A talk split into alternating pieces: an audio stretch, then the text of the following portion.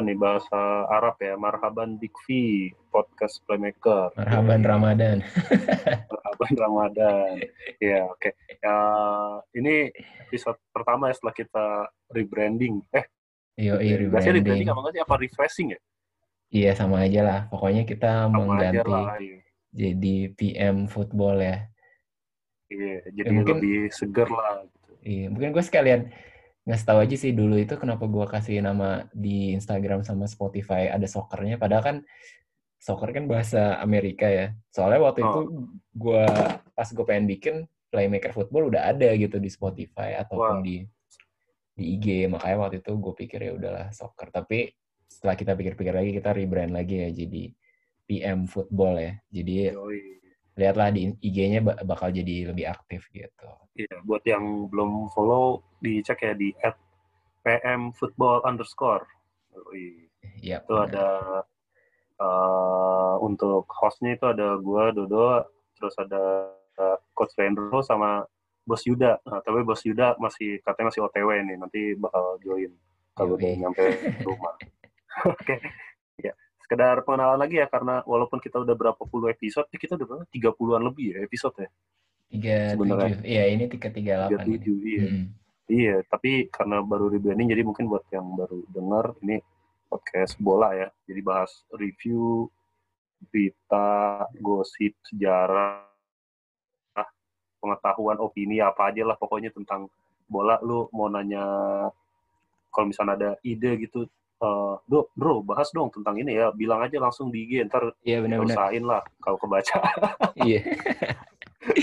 Dibaca kok sama Yuda biasanya. ini pokoknya semua iya, semua bahasan bola lah pokoknya yang terkait dengan bola gitu misalnya mau tolong dong bahas ini eh El Clasico kemarin yang lebih detail gitu strateginya gimana Bi- bilang aja ntar dibahas Yoi. Iya. bilang aja dulu Iya, Kalau pokoknya bisa. Ya, Oke. kalau ini buat inilah buat buat yang kalau lagi di perjalanan kan cocok ya buat menemani perjalanan gitu atau enggak buat yang lagi rebahan aja jadi Menemani. sendirian lah gitu ada temennya Iya benar. Ya, Iya oke. Untuk episode ini kita bahas ini ya hasil liga-liga top Eropa yang minggu lalu tuh, weekend lalu Iya. sama Liga Champions. Champions juga pastinya. Oke. Nah langsung, iya langsung mulai aja ya. Ini berhubung ada Coach Rendro. Jadi buat buat yang belum kenal nih Coach Rendro ini ada gelar CFA di belakangnya. CFA itu Chartered Football Analyst. Enggak lah. Udah certified global lah, Gua top gua mau global lah. modal baca-baca blog-blog taktik aja, sotoy-sotoyan. Yang penting Yoi. seru. Ya, nggak apa-apa. Iya kan emang ini suka-suka lah bahasan. Oke, Iya. kita langsung dari Liga Inggris dulu ya, Andre ya. Yoi. Yang kemarin seru tuh ada ini nih, MU Chelsea nih. Sebenarnya bukan seru sih.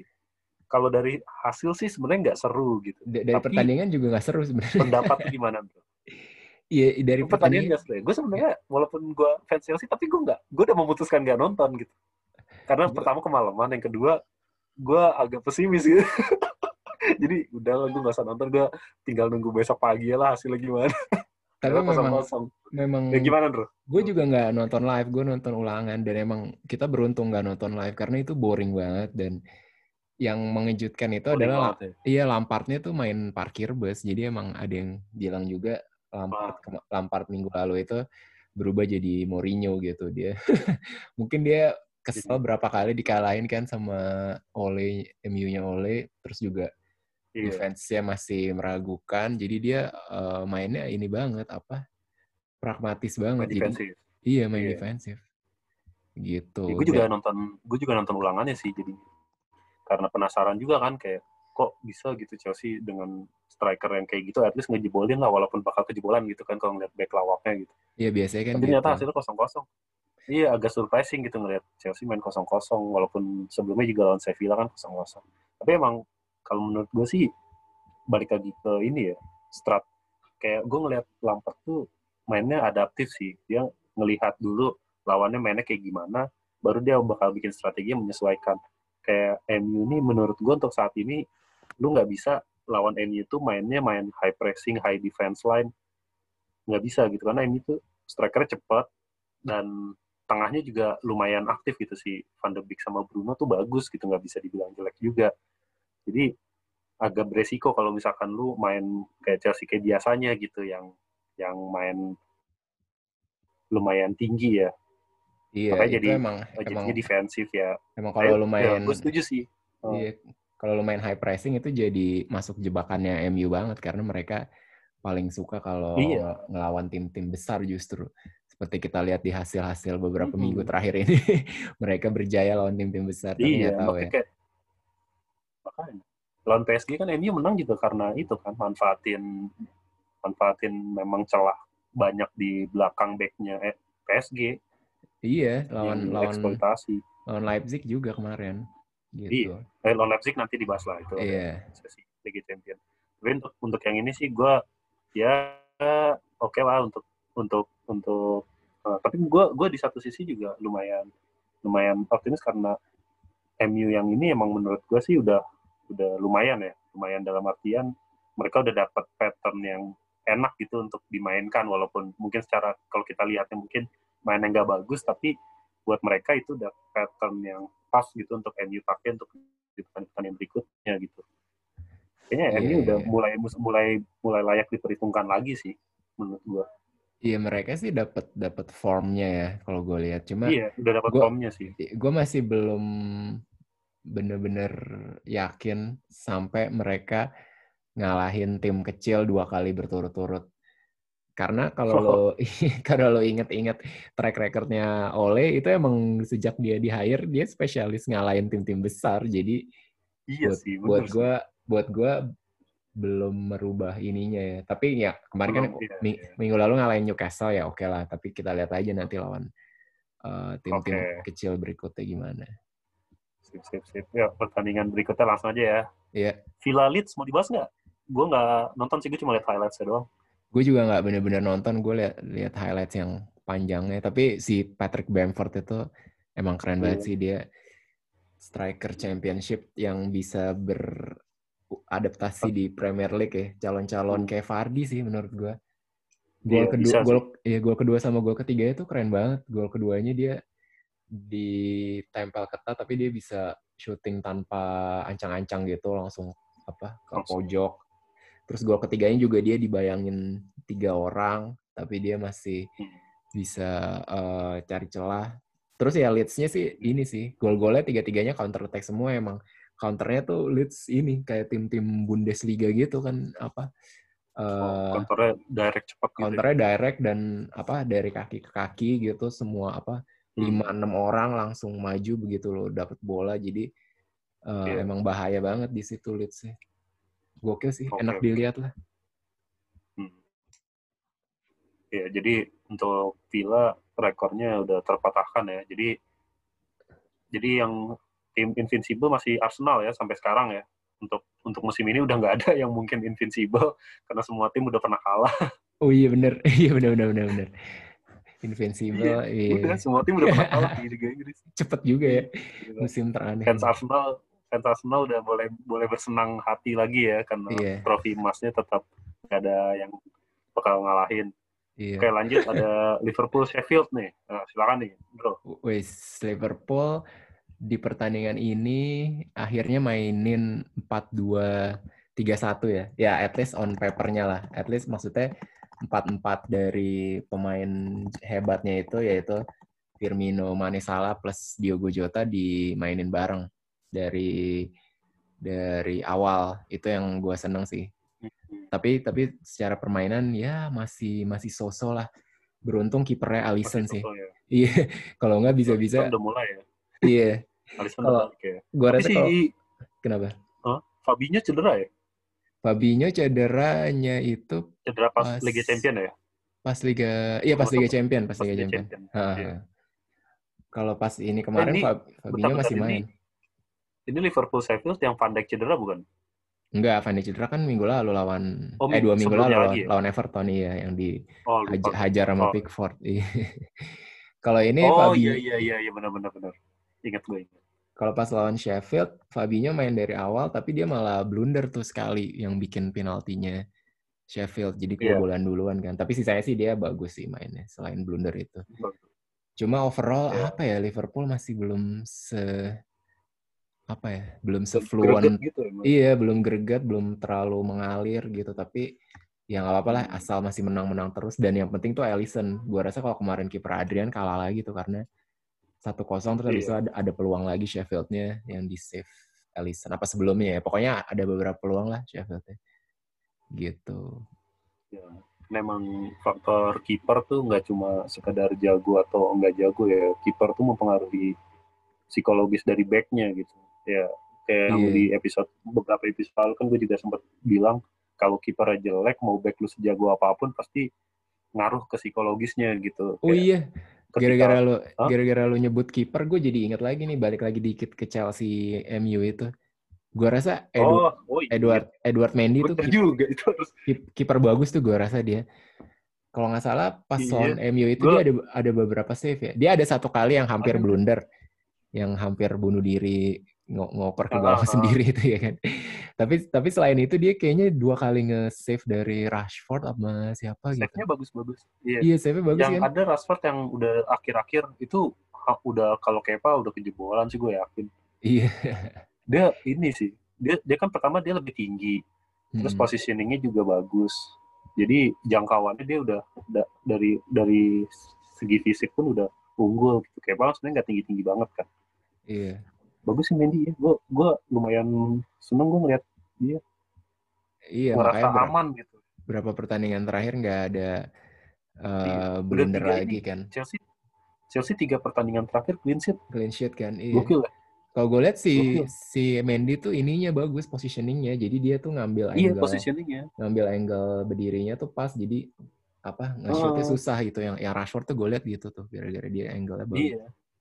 Dan memang karena dia tinggi juga, jadi ketepis kan itu. Iya. Bola sebenarnya udah udah placingnya udah bagus banget tuh si Rashford. Iya, iya. Iya, iya. Boleh tuh emang gokil sini. Ya akhirnya lah. entah entah ini puzzle terakhir atau enggak enggak puzzle terakhir tetap back sih itu PR besar itu center back tuh yang belum ada sama right back kalau Asti udah ketuaan iya sih lanjut lah Oke, tadi apa lanjut ya? nih Hah. yang Liverpool masih mau dibahas nggak apa udah udah udah udah Nah, ya udah. Berikutnya yang seru Soton Everton mau dibahas nggak tuh? Everton kalah Iya, mampus lah, mampus lah.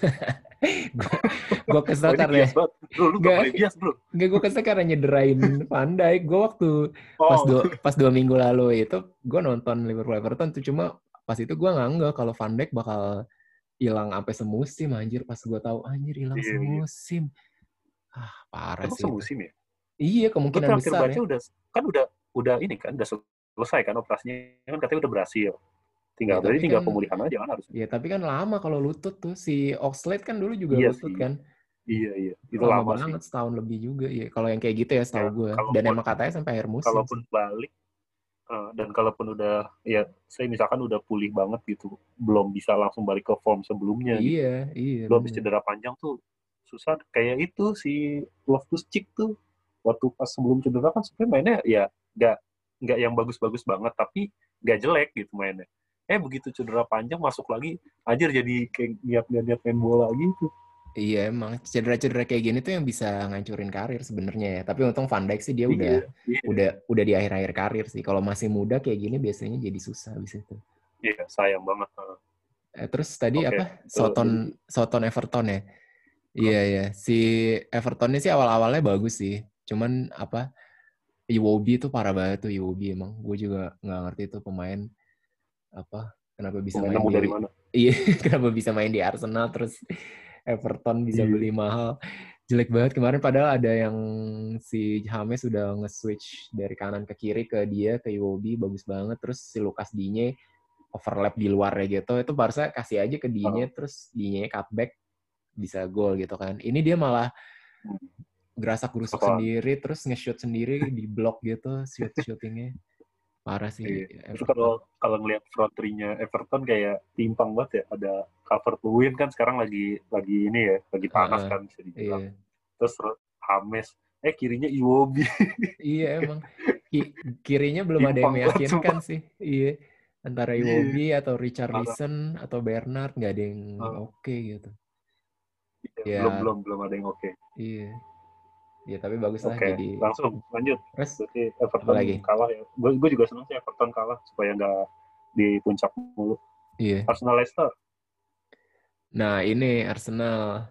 Arsenal juga kan apa eh, beberapa bulan terakhir suksesnya itu kalau main defensif kan. Nah sekarang kemarin gantian dia Iya. yang di diparkir Gantian. besin sama Leicester. Iya, bingung bingung bener. Iya, udah gitu Itu sih.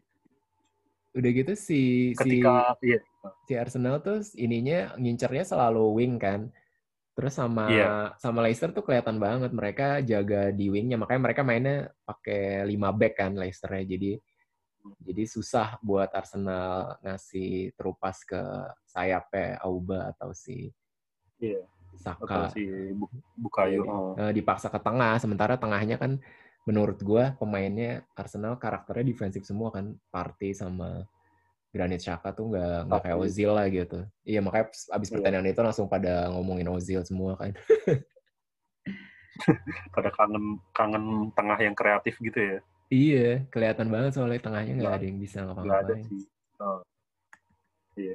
Itu ya oke lah. Maksudnya emang kadang-kadang tuh tim emang apa ya parkir bus tuh menurut gue emang udah kayak inilah last option gitu ketika lu rasa kalau lawan lu terlalu jago atau lawan lu mainnya emang selalu nyerang jadi udah lu emang harus parkir bus gitu buat buat antitesisnya gitu.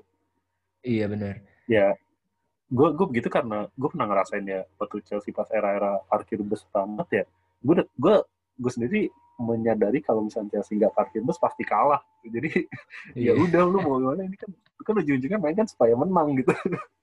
Mau lu main sejelek apa pun kalau lu menang ya udah menang. gitu. Iya dan sebenarnya yang kadang-kadang orang nggak sadarin tuh parkir bus juga nggak segampang itu jadi lu tetap Nah, bu- itu. tetap butuh organisasi iya, pertahanan bener-bener. yang yang bagus dan iya. perlu pemain bertahan yang jago juga gitu atau atau kipernya. Oh, oh. Ya kalau enggak Iya, kayak si VVV itu tuh VVV yang kalah 13-0. oh iya, iya. Nah, ntar, ntar, itu itu ada ini gue udah, udah ngelis nih nanti itu bakal dibahas. Lanjut Oke. ini dulu aja Andrew. Ya udah lanjut lanjut. Andrew. Oh iya El Clasico. Ya. El Ini Clasico. ada Barca, Barca dibantai. Nggak dibantai sih, kalau secara skor sih cuma 3-1 ya. mm-mm. Tapi di kandang Barca sendiri. Gimana, Andrew? Gue nonton sih yang ini. Iya awal-awalnya seru ya. Awal-awalnya kayak kayak Iya, 10 awal-awal seru, 10 15 menit pas pertama sama tuh. tuh. Oh, Iya, pas satu sama seru banget kayak serang-serangan gitu. Iya. Tapi apa ya?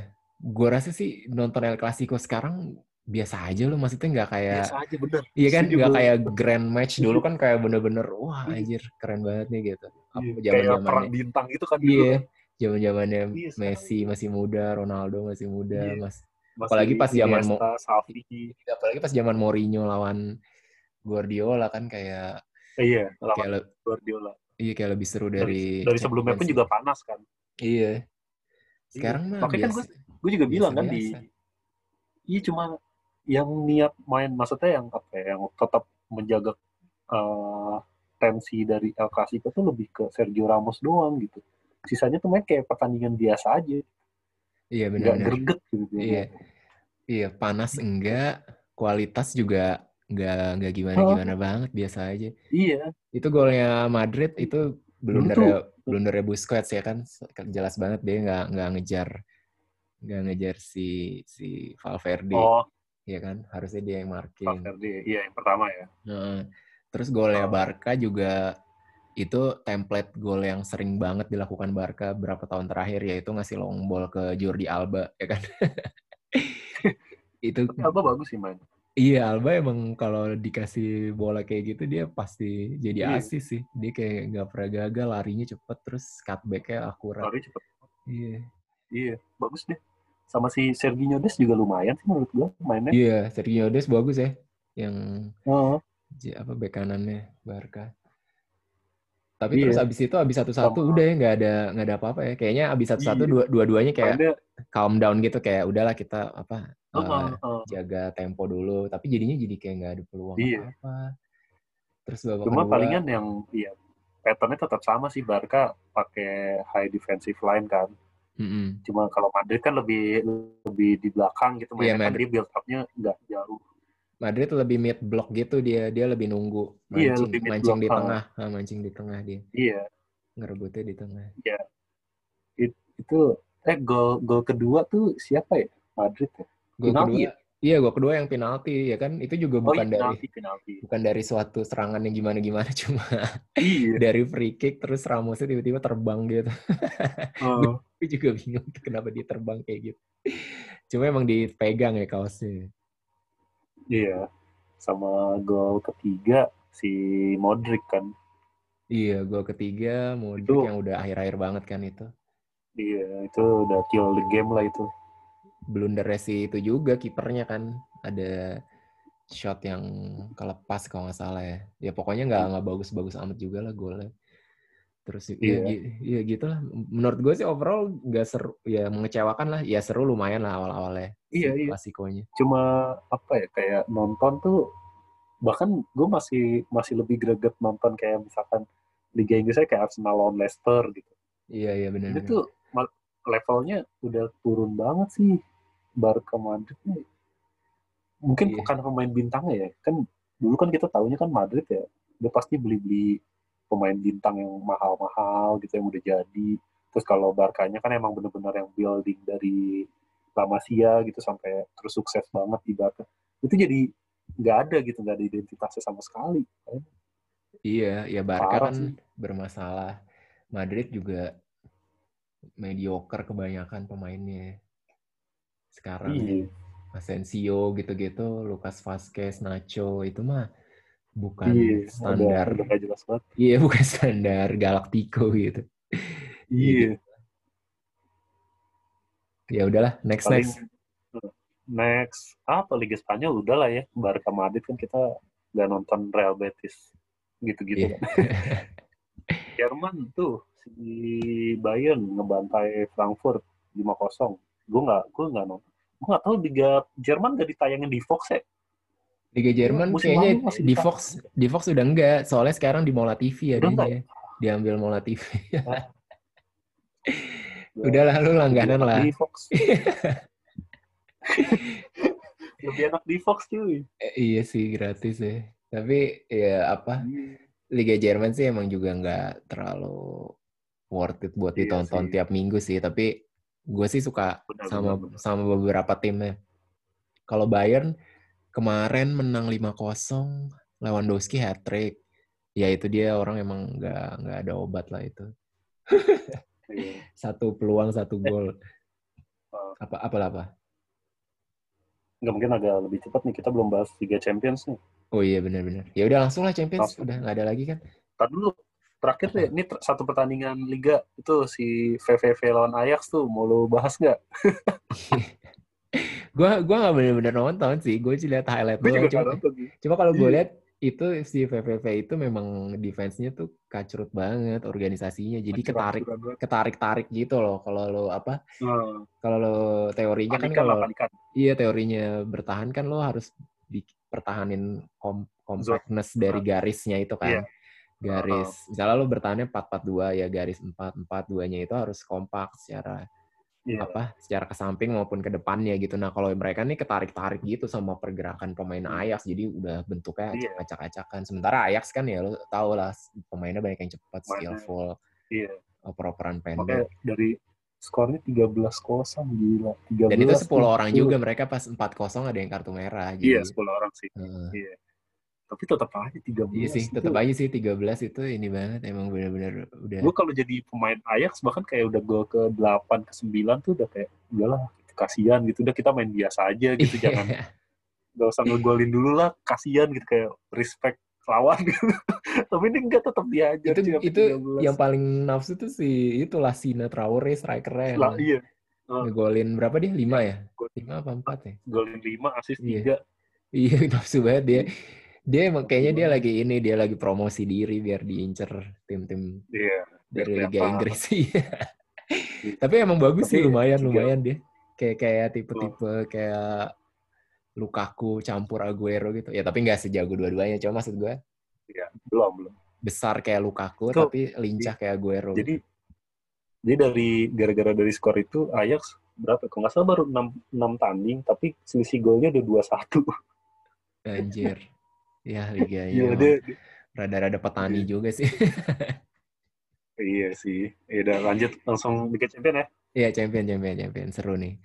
Apa dulu nih? Iya, Champions nih dari mau bahas yang pertandingan gede aja kali ya? Iya, yang gede-gede aja lah. Yang gede aja. Wah, Munchen Gladbach lawan Madrid termasuk gede nggak? Oh gede gede itu keren keren tuh. Gue sih suka banget sama Munchen Gladbach ya dari dari musim lalu. Hmm. Selain si, karena Markus Thuram. Iya selain karena Markus Thuram, terus juga pelatihnya Marco Rose tuh kan apa pernah dilatih sama hmm. Jurgen Klopp. Terus emang ini apa Munchen Gladbach tuh gaya main Jerman banget lah klasik. Jadi kayak kayak Leeds gitu. Jadi apa uh, counternya tuh hmm. enak dilihat banget efektif. gitu. Iya efektif banget. Jadi begitu dapat bola baik dari tengah atau belakang, terutama kalau dapat bolanya di tengah ya Gladbach, lu liatin deh apa dua kali passing tuh bisa langsung masuk ke uh, kotak penalti lawan gitu. Iya, iya. ak akurat banget dan benar-benar udah tahu gitu harus lari ke mana semua semua pemainnya. Gokil sih. Iya. Terus Tapi kan mereka gua, emang arahnya lebih dari tengah kan mereka. Iya, mereka benar-benar nggak nggak possession banget. Apa ngasih aja iya. possessionnya iya. Madrid kan. Mereka nunggu aja mid block di tengah. Tapi begitu dapat bola langsung jadi berbahaya gitu. Kan gue gue iya. pernah baca ya apa kalau filosofinya sepak bola Jerman yang modern gitu, terutama yang diinisiasi hmm. sama tim-tim Red Bull. Tapi gue rasa Gladbach juga melakukan ini itu lo harus bisa apa uh, uh, dalam 10 detik eh 10 detik apa 15 detik ya pokoknya dalam berapa detik itu lo harus bisa masuk ke sepertiga lawan gitu jadi emang nggak oh nggak pakai lama-lama beda sama Pep Guardiola kan justru kalau lo dapat bola apa teorinya Pep Guardiola lo harus melakukan 15 passing dulu supaya tim lo terorganisasi buat ngepung lawan di di iya, depan iya. lah gitu. Kalau ini kebalikannya mereka harus 15 detik. Ada ada waktu buat lu uh, buat lu positioning, lu atur posisi lagi, inget-inget lagi strategi nyerangnya mau kayak gimana. Makanya ada passing-passing kan kalau Guardiola. Iya. Yeah. Nah, kalau yang Jerman Makanya jadi rapi sih. Iya, jadi rapi. Kalau yang Jermannya lebih lebih rock and roll gitu, 15 detik langsung iya, iya. hajar ke depan.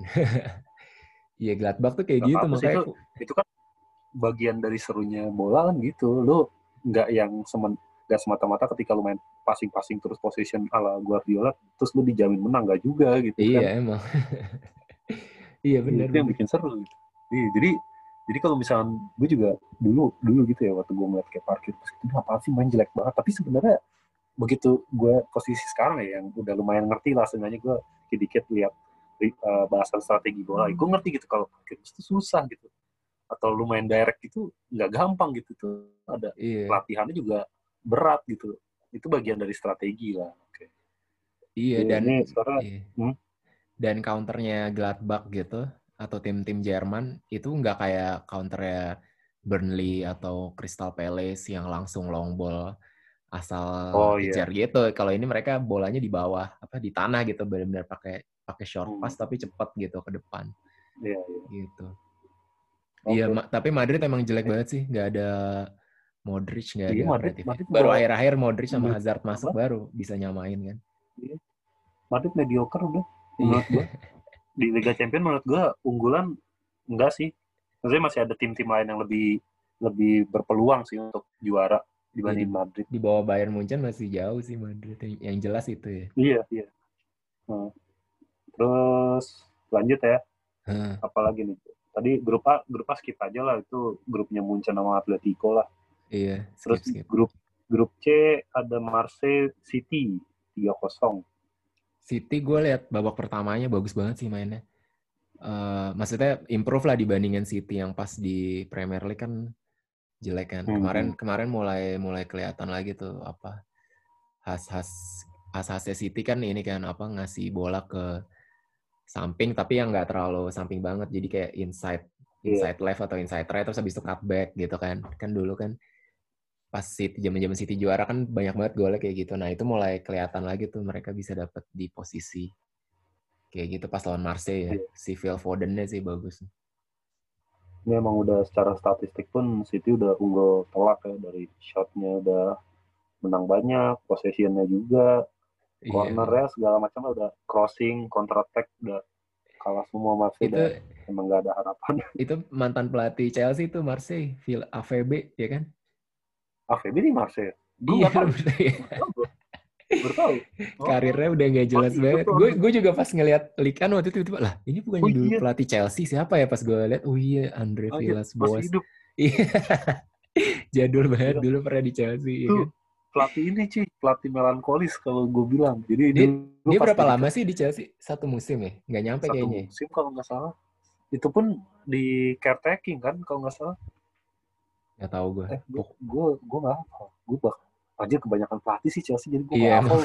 gue juga gak Pokoknya gue gue cuma ingat momennya itu waktu dia dipecat terus dia kayak ini galau gitu jalan di di tengah hujan. Nih gue nggak tahu sih ini cerita bohongan apa enggak tapi kayak gitu jadi pas abis dia dipecat tuh dia kayak jalan di stadion apa di mana gitu. Tapi terus eh, pas lagi hujan gitu kayak orang galau banget. Segitunya. Iya. Tapi memang dia ini memang dia uh, lebih cenderung bertahan kan mainnya dan kemarin ya nggak nggak berhasil juga gitu. Oke, lanjut bro. Atalanta Ajax. Wah ini juga lumayan lumayan seru nih, lumayan seru. Apa uh, serang-serangan banget Atalanta sama iya. Ajax. Jual saling jual beli serangan ya. Iya, Atalanta tuh kalau menurut gue sih ini banget sih apa enak dilihat banget apalagi kemarin sih itu udah main lagi tuh Ilicic yang Ilicic Iya, pas iya. akhir-akhir musim lalu hilang kan. Uh, apa tapi, ya main? Tapi Ilicic nggak golin ya? Nggak, yang golin si yang Zapata. Zapata ya dua gol.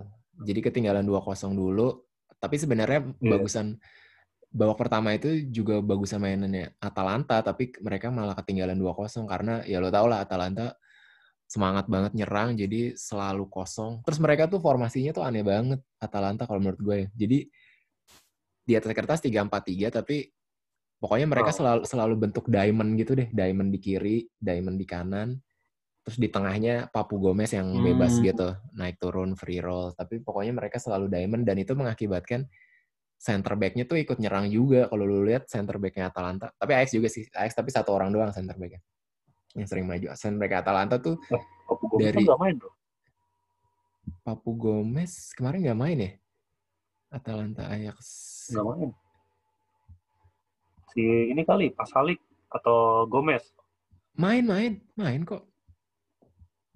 Nih gue lihat di Google main. Iya ada dia? Alejandro Gomez dia kalau di itu namanya kalau di Google. A A Gomez. Oh. kadang-kadang kan kalau di website iya, website iya, suka beda iya main main iya, iya pokoknya pokoknya unik banget deh formasinya tapi membuat belakangnya tuh gampang banget kosong. Nah, itu makanya Ajax bisa ngegolin 2-0 duluan tinggal di lob ke sisi samping pertahanannya Atalanta. Terus si Anthony juga pemain Ajax baru tuh bagus tuh. Crossing-crossingnya bagus hmm. gitu. Tapi babak kedua bisa nyamain. Tapi inilah kayak main basket lah ini pertandingan bener-bener apa jual beli serangan banget. Bolak-balik serangan. Iya, bolak-balik. Ya. Ini kira-kira grup D ini kan ada Liverpool mix sembilan udahlah itu udah nggak perlu dibahas lah. Iya. Ini kalau kalau dibahas kalau tiba-tiba Liverpool kalah, nah itu baru dibahas tuh. Iya benar. Ini kira-kira gimana bro peluang peluang Liverpool lolos dari grup ini? Lumayan seru kan Liverpool, Atalanta, Ajax. Masih uh, berpeluang ya menurut lo ya? Kalau menurut gue Liverpool sih kemungkinan lolos karena udah menang dua kali juga kan. Iya. Nah antara Atalanta sama Ajax gue nggak tahu gue sumpah. Dua-duanya sih layak lolos lah gitu. Kandidat juara champion oh. sih kayaknya nggak cuma dua-duanya menurut gue oke okay sih layak masih, lolos. Masih oke okay lah ya. Iya, okay. terga tergantung nah, siapa lanjut. yang iya, kalah lawan Liverpool dua kali aja. Oke, okay. lanjut ya grup E nih. Grup E ada uh, Chelsea Krasnodar. Udah lah nggak usah dibahas ini mah. Lu nggak mau bahas nih, lu bukannya katanya bagus. Gue sih nggak nonton sih, cuma kata gue liat di media-media mainnya bagus. Gimana gimana? Chelsea Kras. Uh, sebenarnya enggak bukan bukan yang bagus apa ya. Kalau ngeliatnya sebenarnya si Krasnodar ini pas awal-awal tuh dia main ini main ngepres. Hmm. Jadi Chelsea sempat sempat mungkin kayak wah ini ternyata Krasnodar berani juga nih main ngepres. Jadi pas awal-awal pertandingan tuh banyak peluang sebenarnya si Krasnodarnya. Tapi Krasnodar tuh entah kenapa ya gue ngeliat dia mereka tuh kayak gerasa gerusuk gitu nyampe depan pengennya tuh langsung syuting gitu. Sering banget dia spekulasi syuting. Jadi kalau ini kalau gue lihat di statistik sih harusnya dia shootnya banyak. Tuh kan benar shoot off targetnya sembilan. Emang jadi kayak apa ya? kayak spekulasi aja gitu. Nah, Iya. jadinya sama si uh, sedangkan kalau Chelsea kan emang uh, lebih apa ya? Maksudnya ketika lu main syuting-syuting gitu dan nggak ngarah, ya udah gitu itu nggak menghasilkan apa-apa jadinya nggak nggak apa ya nggak nggak efektif lah gitu serangannya walaupun lu ngepres tapi nggak efektif si Krasnodar punya gitu sedangkan yang si Chelsea-nya mainnya sih menurut gua bagus itu pas setelah Pulisic masuk itu baru baru mulai baru mulai Tadinya- jalan pas Tadinya Bro. Ziyech ya, yang main dari awal tuh Ziyech ya katanya. nah Gimana Ziyech Ziyech permainannya? Jack tuh bagus banget itu gila sih itu benar-benar ya tadi kayak kayak Arsenal yang tadi ini timpang di depannya Chelsea tuh kan Ziyech, Werner sama Hudson Odoi Hudson Odoi di kiri itu Hmm. benar-benar mati dia nggak kelihatan sama sekali Hudson Odoi Tapi ngegolin salah dia. banget Tapi jelek yang main. ngegolin itu pun ngegolinnya nggak sengaja lah menurut gue gol beruntung lah itu gol deflect Hmm. cuma si Ziyech ini yang bagus banget gitu bagusnya dalam artian ini ya passingnya ya passingnya tuh wah gila keren banget gue berharap lebih sih Dia sering dia. sering switch lah. gitu ya. Sering switch dari kanan ke kiri pakai long ball gitu ya. Enggak ya? Dulu Iya, kan iya, iya. Di Ajax kayak gitu kan. Enggak dia gitu. Jadi dia tuh umpannya enaknya gini. Umpannya tuh pendek, pendek maksudnya rendah lah, rendah bukan bukan bukan pendek saya rendah. Jadi Oh. cepat gitu nyampe ke nyampe ke striker atau ke tujuannya tuh cepat. Jadi nggak ada waktu buat bek lawan untuk Oh iya iya. bisa bener. balik gitu. Iya itu keren tuh. Jadi itu khas dia banget gitu. Itu bagus tuh. Dia lumayan notable lah. Jadinya eh, serangannya emang dari kanannya lebih efektif gitu karena ada Aspi juga kan di belakangnya. Sedangkan yang sebelah kiri si Chilwell nggak terlalu kelihatan sih menurut gua. Eh, dan si Hudson Odoi juga jelek di kiri. Makanya begitu Pulisic masuk, nah itu baru benar-benar kelihatan yang emang dipengen selama ini gitu kan. Pengennya kan orang selama ini kan pengen nonton Pulisic, Werner, belakangnya ada Havertz, di kanannya Ziyech. Nah itu baru tuh mulai mulai kelihatan lagi tuh. Mulai Sama jadi ini juga. 4-0 ya. 3 gol di Iya, iya. ya. Eh, Hmm. baru baru mulai baru mulai ngegasnya pas di situ.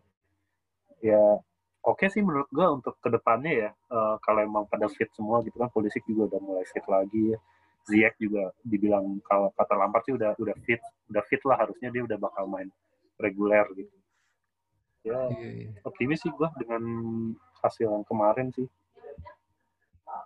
Iya, tadi Oke, tadi kan lanjut. tadi kan lu bilang tadi lu bilang kan Ziyech eh, operannya cepet gitu kan. Apa ada ada tenaganya Iya. lah jadi cepet nyampe. Iya, itu juga gue jadi pengen gue pengen balik lagi ke apa teori atau filosofi sepak bola Jerman yang modern itu juga salah satunya gitu. Jadi lo harus passing lo tuh lebih baik kekencengan. Makanya lo kalau kalau gue sih ngelihat Leipzig Oh. itu sering banget dia ngasih true pass itu malah kekencengan gitu. Jadinya nggak kekejar. Hmm. Tapi nggak apa-apa. Jadi mereka emang berusaha supaya Emang mainnya sirkulasi sirkulasi bolanya lebih cepet. Iya, jadi mendingan lo Iya. lebih baik hit pas lo kekencengan daripada kelambatan. Karena kalau kelambatan jadinya kayak Hmm. banyak tim-tim sekarang kan yang sosok tiki taka tapi kayak MU ya eh, maksudnya MU pas lawan tim kecil gitu ya atau atau Hmm. banyak lah sekarang ya kan yang cuma dioper kanan kiri Tapi malah malah nggak jelas kan. iya karena itu passingnya tuh apa terlalu pelan gitu jadi lambat sirkulasi bolanya Iya. ya bagus lah Ziyech berarti dia lebih ngerti lebih modern terus terus Seneng gue ngeliat passingnya dia. Saya udah lanjut aja ya. Hmm. ada grup oh itu tuh grup G tuh Juve Barca nah itu juga mengecewakan lagi juga sih gue nonton kayak kayak mengecewakan kayak kayak El Clasico apa ya pertandingan gak iya nggak Iya. greget juga gue gue lebih gak greget itu pas ngeliat skuadnya Juve gitu lu gue ngeliat skuad Juve kayak anjir gue ini ketika ini bukan tim yang kalau lu lagi main PES atau FIFA gitu terus lu ngerasa gue kalau pakai Juve pasti menang gitu. kagak menurut gue skuadnya tuh udah biasa banget gitu pemain-pemainnya. Iya sih? Iya emang. Terus apa kayak ya? Madrid yang sekarang Iya, gue juga ngelihatnya si si Pirlo ini waktu awal-awal banget bagus ya lumayan lah gitu. Tapi makin ke sini gue ngeliat dia Hmm. selalu maksain main pakai tiga back, tiga empat tiga. Padahal Juve tuh menurut gue nggak ada nggak ada wing back yang bagusnya. Ya di kan Hmm. di kanan Cuadrado lumayan lah. Cuma di kiri tuh di kiri tuh jadi si ini si Chiesa Federico Chiesa. Padahal dia tuh striker kan. jelek Iya makanya dia yeah. kalau menurut gue dia bagusnya Chiesa tuh jadi striker atau atau inside forward gitu. Ini dijadiin wingback. Hmm. Malah kemarin kan golnya Dembele juga gara-gara deflect dia kan. Iya, yeah, iya. Yeah. dia sepanjang pertandingan dia kesulitan lah defensifnya yang ngadapin si si Usman Dembele sama pas digas pas diganti tuh Fatih ya. Ya gitulah. Iya. Iya, Tapi ya, apa ya, yang lainnya juga jelek. Ngeliat tengah tengahnya pun ya tadi kan si Rabio, Bentakur tuh gue nggak aja nih pemain-pemain mediocre semua. Iya mediocre banget. Bentakur, iya. Bentakur semangat sih dia semangat doang gitu tapi nggak iya, ada tapi, nilai iya, lebih ada. Uh -uh. Terus Rabio depannya juga. Morata, Morata duh. Iya Morata orang itu terlahir offside kayaknya. Iya. Hat trick offside ya, kocak banget. Sumpah Morata tuh lawak banget dia apa ya? Gue juga bingung sih waktu Juve beli Morata. Hah, Morata iya, gagal Suarez dapetin Morata. Ya ampun. Lupa itu Morata tuh bahkan ada yang ngejokes. Jangan Morata tuh ini cuy buat skema cuci uang sebenarnya. Cuci uang, iya. Pindah-pindah dari klub-klub klub-klub iya. besar ya. Padahal kemampuannya. Klub besar iya. dan harganya tuh fantastis. Gitu. makanya kayak kok ada sih orang yang mau bayar segitu buat Morata gitu itu fix cuci iya. uang sih eh yang kocak ini yang kocak waktu itu si Morata pernah ngupdate di Twitter ya Twitter apa IG oh. gitu dia foto sama pacarnya pacarnya atau istrinya gue nggak tahu kayak mau nyium gitu oh. tapi nggak kena gitu terus ada yang kok ada yang komen wah pantesan di depan gawang miss mulu nyium cewek sendiri aja miss gitu goblok ada kocak sih Morata. Itu, itu orang, aduh. Saya bingung gue masih masih bisa main di tim gede tuh. Iya, gue bingung deh. Kemarin dari Chelsea ke Atletico, sempat ke Madrid, sempat ke Juve, balik ke Juve lagi. Itu orang apa ya, pakai apa gitu. Saya di saat di saat kondisi sekarang striker tuh sebenarnya banyak gitu kan yang masih yang lumayan naik gitu namanya. Ini masih ya lu beli Morata. Iya, hmm. mending beli pemain muda. Siapa kek? Iya. Terus tapi Juve dari dari Barkanya, huh? Juve menurut gue yang lumayan Kenapa? sih itu si Kulusevski itu pemain muda juga itu lumayan tuh Juve bagus iya. masa depan cerah cuma belum belum level lo andelin buat ngelawan Champions League lawan Barca gitu lah jadi iya, nggak yeah, nggak terlalu berbuat banyak juga kemarin mungkin Terus, ini bisa jadi tahun ini mungkin Juve enggak kali ya Scudetto. Iya, itu juga. So, enggak, oh iya. Peluangnya tuh enggak, enggak sebesar musim-musim sebelumnya gitu. Iya, apa? Uh, Milan soalnya, gue feeling gue Milan sih kalau berlanjut kayak gini ya. Iya. Kemarin gue baru beneran. Oh, Milan, Milan konsisten banget. Iya beneran nonton Milan lawan Roma kemarin, wah keren mainnya. Apa uh, pemain iya. depannya tuh Rafael Leo bagus banget. Itu menurut gue the next Sadio Mane tuh Rafael Leo, lu liatin deh. gue juga gue juga udah rencana pengen nonton Milan sih. Mirip Mane iya. Terus iya Juve Juve bisa oh, jadi Barkanya, dia Scudetto. Barkanya notable si Pedri tuh bagus. Iya Pedri ya kemarin dia ngacak-ngacak ya ngegocek-gocek si iya. siapa asik banget liat ya uh, gocek-gocek Demiral Cuadrado Demiral. Uh, apa ya Barkanya sih sekarang ini ya lebih direct ya, ya nggak sih? Nggak terlalu, iya, iya, iya. Nggak terlalu tiki taka. Iya. kelamaan lah. Gue ngeliatnya sih nggak jadi nggak kayak Barca lagi, tapi ya iya. asal menang sih nggak apa-apa gitu. Maksudnya so far iya. lumayan lah. Dari pas El Clasico pun juga sebenarnya mainnya nggak yang tiki taka khas gitu, yang segitiga segitiga gitu. Iya, Jadi, direct. Emang udah udah enggak susah sih main-main kayak gitu butuh butuh pemain tengah yang emang mata elang gitu.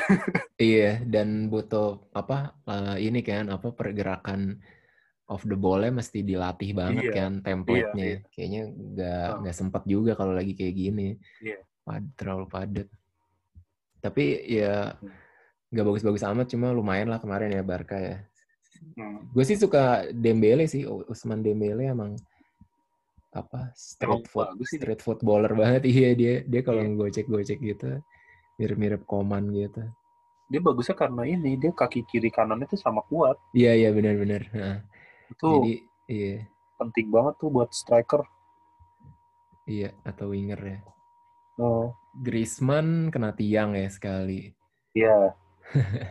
dia kayaknya kutukan banget sih di Barca feeling gue ujung-ujungnya pindah sih dia kayak kenapa gitu kayak Iya, kayak reduk banget. iya kayak nggak nasib banget gitu main di Barca Iya. Oke. Jadi Barca dapat dua kabar baik ya setelah Bartomeu resign terus menang lawan Juve.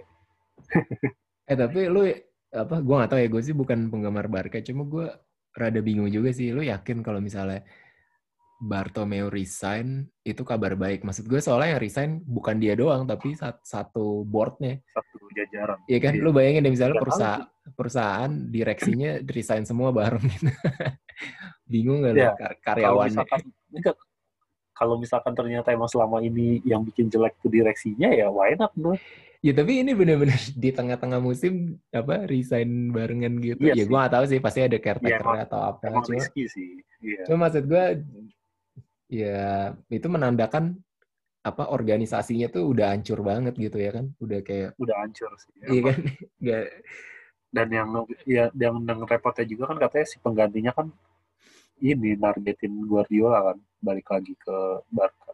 penggantinya yang calon next presidennya apa yang Calon penggantinya. Oh yang iya, calon mengganti.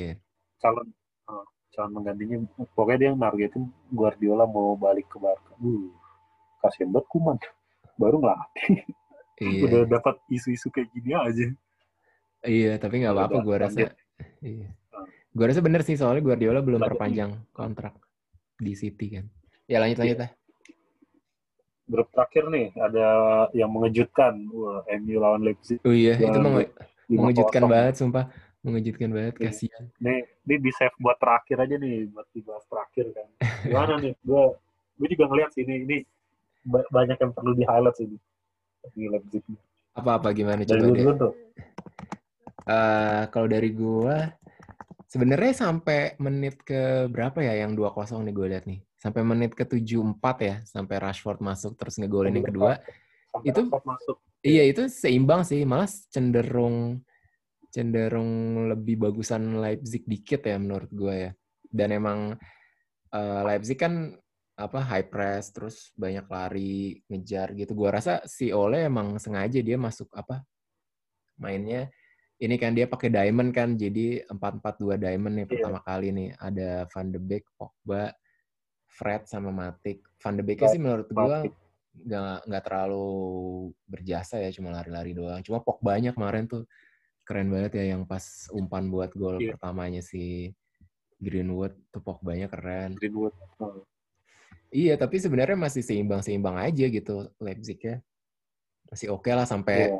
sampai itu sampai 2-0 Rashford itu dari itu yang yang counter dari apa dari sisi pertahanan MU sendiri bukan sih yang dikiranya offside Iya, tapi iya, yang ternyata. Iya, Rashford-nya larinya dari dalam apa Oh. sisi MU-nya kan jadi nggak offside.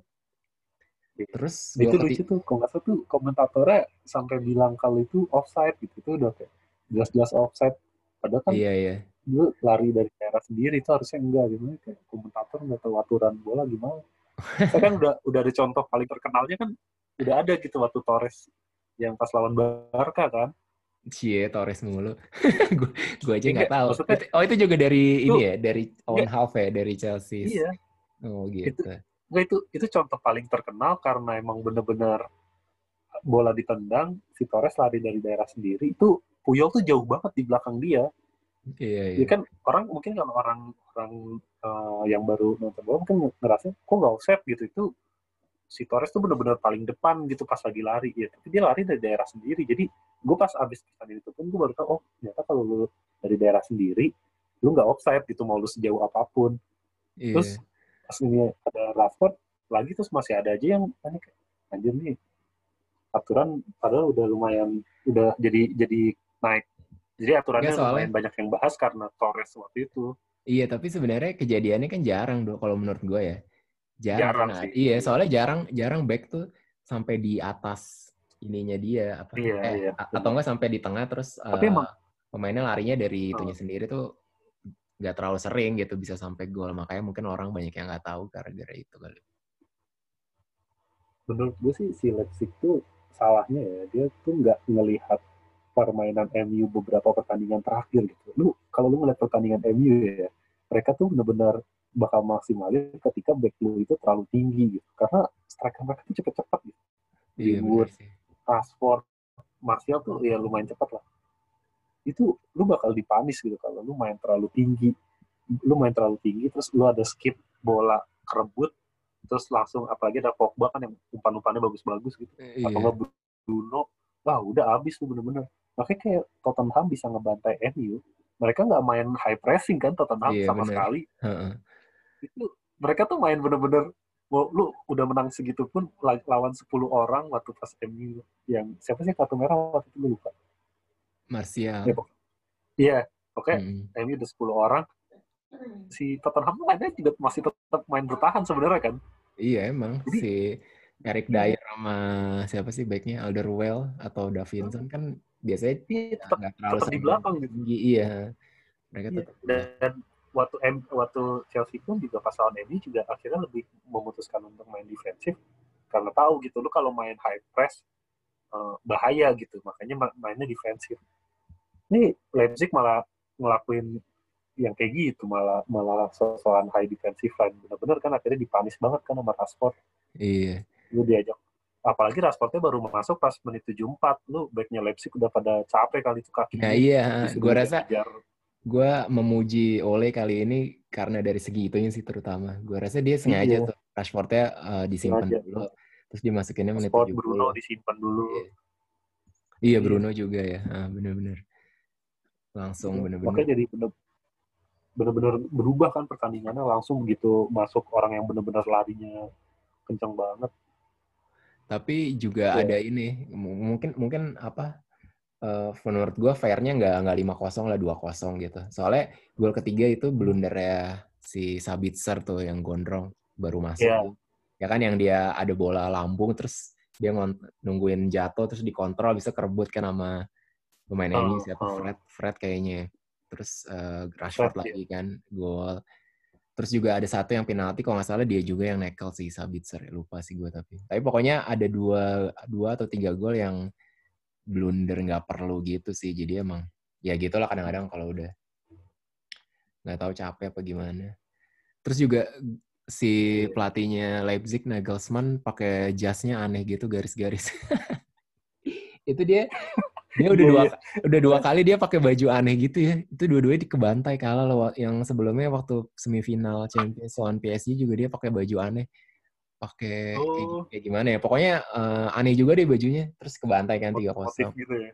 Iya, kemarin juga motif-motif aneh gitu jas kebantai 5-0. Aduh, bawa sial tuh baju-baju kayak gitu buat dia. Benar.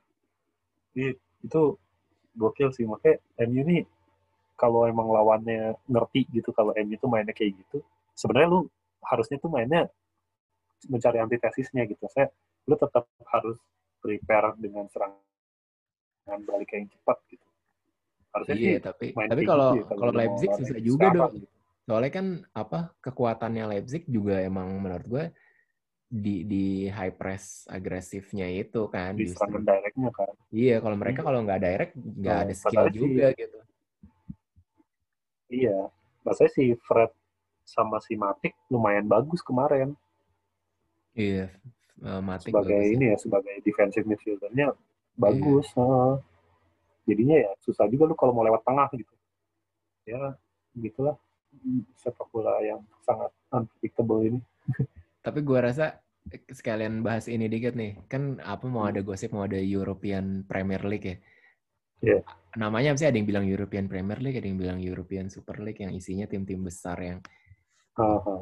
ada katanya ada 11 tim yang menginisiasi. Nah, gua rasa kalau misalnya jadi tuh European Super League itu, gua rasa MU juara sih soalnya lawannya tiap minggu tim-tim besar jadi nggak ada lawan Crystal Palace. Si Ole jagonya lawan tim-tim besar anjir. Gokil. ya, ya itu karena tim besarnya mainnya Iya, mainnya main nyerang, ala high mereka. press, gitu. iya. Jadi kena kena Sedangkan MU jebakan. kan sengaja gitu ma- mancing supaya main kayak gitu, baru baru mereka diserang balik gitu. Iya. Ya makanya kan kelihat, gue sih kelihatannya itu pas satu lawan Tottenham gitu, Tottenham mainnya kayak gitu, si Olehnya bingung gimana cara ngatasinnya, apalagi waktu itu 10 pemain kan makin susah juga. Iya. Nah, pas sama lawan Chelsea, mainnya Chelsea mainnya defensif. Gue juga bingung, ngapain Chelsea main defensif? Tumben-tumbenan. Eh, pas ganti ya emang harus begitu karena lawannya. Iya, iya bener-bener. Gue rasa kalau kemarin Lampard nggak parkir bus bisa jadi kalah juga sih. Jadi uh, keputusan tepat juga kemarin tuh Lampard main kayak gitu. Iya. Jadi ya, ya bisa ini berarti MU ya lolos nih kayaknya nih dari grup neraka ini. Iya, gue nggak nyangka loh. Gue kira nggak lolos. Ternyata mereka malah iya. malah merajalela banget. Mereka lebih seneng lawan Leipzig sama PSG daripada lawan Crystal Palace oh. atau Burnley atau Brighton gitu-gitu. Mungkin ntar ngeliatnya di ini. Yang lucunya kalau kata temen gue yang fans MU, ini udah menang lawan Leipzig ngebantai gini ntar dia lawan Istanbul Başakşehir Oh iya bener-bener. Iya iya. Bener-bener. Gue gue gue juga rada-rada berpikir kayak gitu tuh. Jangan-jangan lawan Istanbul Başakşehir kalah gitu. Iya iya kita lihat keren-keren lawan PSG menang lawan Leipzig menang lawan iya. Istanbul kalah waktu iya, lawan iya, waktu lawan Sevilla kalah musim lalu semifinal Eropa kan juga Sevillanya bertahan kan ya lebih cenderung bertahan lah gitu iya Emang MU kesulitan lawan tim-tim bertahan ya nggak tahu lah. Tim-tim yang bertahan gitu. Oke. Okay. Sip, sip. Nih untuk untuk uh, review kayaknya udah selesai ya. Iya, udah nih. Dari liga-liga top. Dan ya bos Yuda ternyata masih belum bergabung karena mungkin perjalanan jauh. Iya. Mungkin di next episode ya kita komplit tiga lagi. Oke. Okay. Oke. Okay. Udah sekian dulu kali ya. Sekian. Ya, bisa sampai jumpa di episode berikutnya. Wassalam. Bye.